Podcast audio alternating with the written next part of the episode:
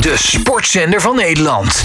Dit is All Sports Radio. Donderdag stort Feyenoord voor het eerst in 20 jaar weer eens in een halve finale van een Europees toernooi. Ze namen het in een uitverkochte kuip op tegen Olympique Marseille. Uiteindelijk werd het 3-2 en heeft Feyenoord een nou ja, goede uitgangspositie voor de terugwedstrijd in die halve finales van de Conference League. Mocht je het niet gezien hebben, het was een fantastische wedstrijd. Feyenoord zette snel druk uh, en uh, kwamen al snel op voorsprong. Maar ja, uh, uiteindelijk kwam um, Olympique Marseille nog voor rust op gelijke hoogte. Werd het 2-2. Na de rust maakte Feyenoord het snel goed met Cyril Dessers. We gaan terugblikken op deze wedstrijd. En dat doen we natuurlijk met Glenn Helder. Glenn, een hele goede middag. Hi, goedemiddag. Ja, uh, waar heb jij de wedstrijd gekeken gisteren? Uh, nou, gewoon thuis. Oh, gewoon lekker thuis op een bankie. Uh, wat, ja. wat vond je ervan toen, toen, de, nou ja, toen de wedstrijd begon? Wat, wat waren jouw verwachtingen?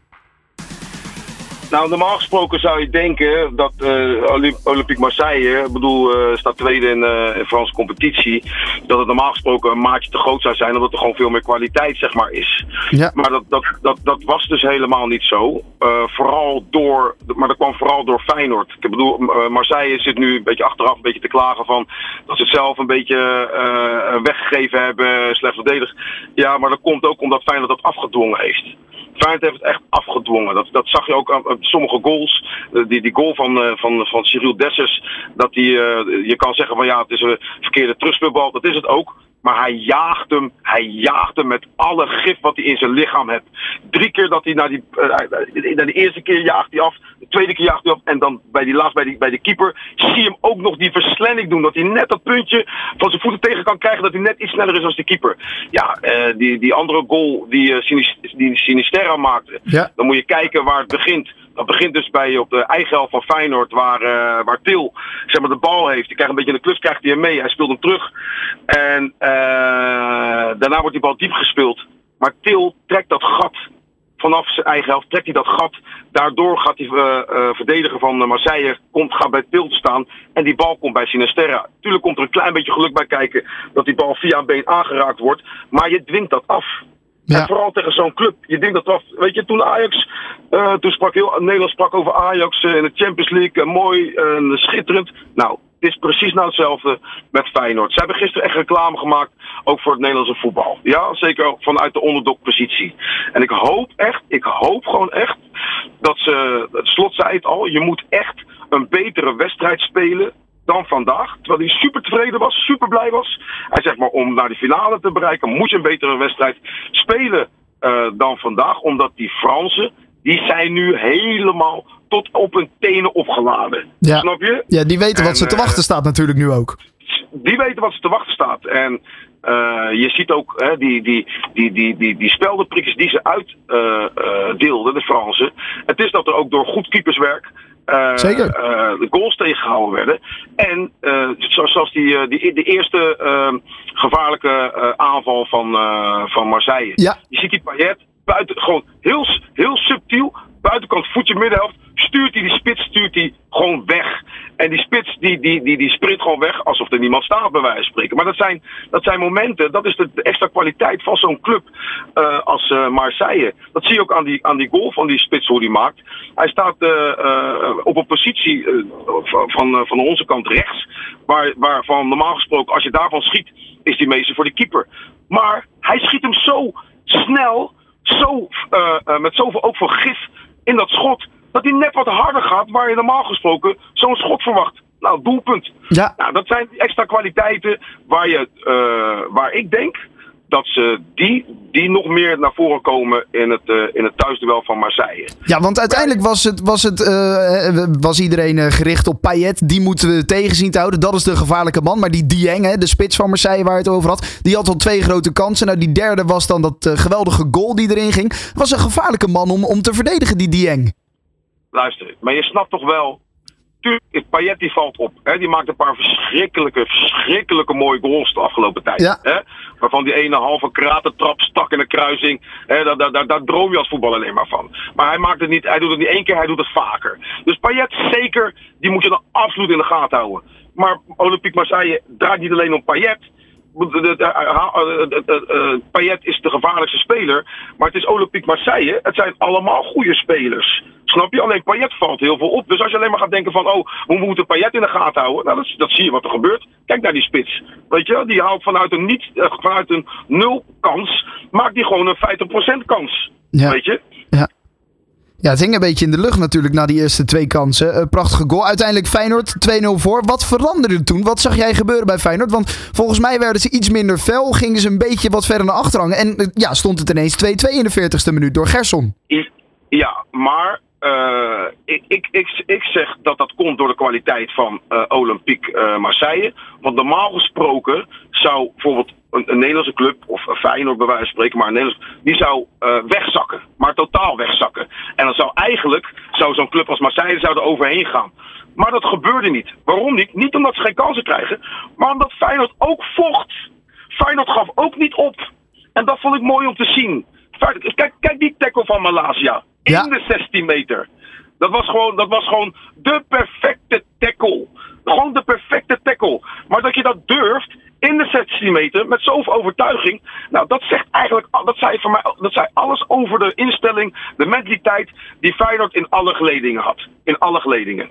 Oogde Feyenoord dan ook sterker volgens jou? Was dat de betere ploeg die het verdiende, de overwinning?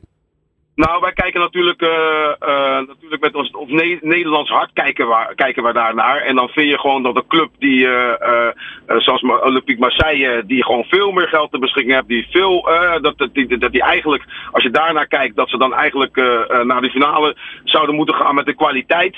Dat wordt gewoon gelogenschap door Feyenoord. En waardoor? Door, uh, niet alleen maar door wilskracht, want er zit ook kwaliteit in bij Feyenoord. Maar uh, door die mentaliteit, wat zij tentoongespreid hebben, hebben zij het gewoon afgedwongen. En dat vond ik de grootste win winst uh, voor en Feyenoord en voor het Nederlandse voetbal. Want ehm, dat, dat zij twee goals tegenkrijgen. Weet je, het is en blijft wel Olympique Marseille. En je moet dat niet vergeten dat, weet je, draait nou eens om. In plaats dat je zegt van oké, okay, Feyenoord die zakt een beetje in. Uh, ze zakten misschien nog wel een beetje in. Maar uh, er was niks van opgave, ook niet na die 2-2. Snap je? En dat is, dat, dat is de winst die je maakt ten opzichte van andere landen. Uh, waar, waar, waar, waar, waar andere landen soms, dat is nu al veel minder, maar soms nog steeds praten over soms een, uh, Mickey Mouse competitie. Nou, dat is nu wel een beetje achterhaald. In, in, hoeverre, heeft, in hoeverre heeft de Kuip hiermee te maken? Het feit dat die natuurlijk uitverkocht is, een kolkend stadion.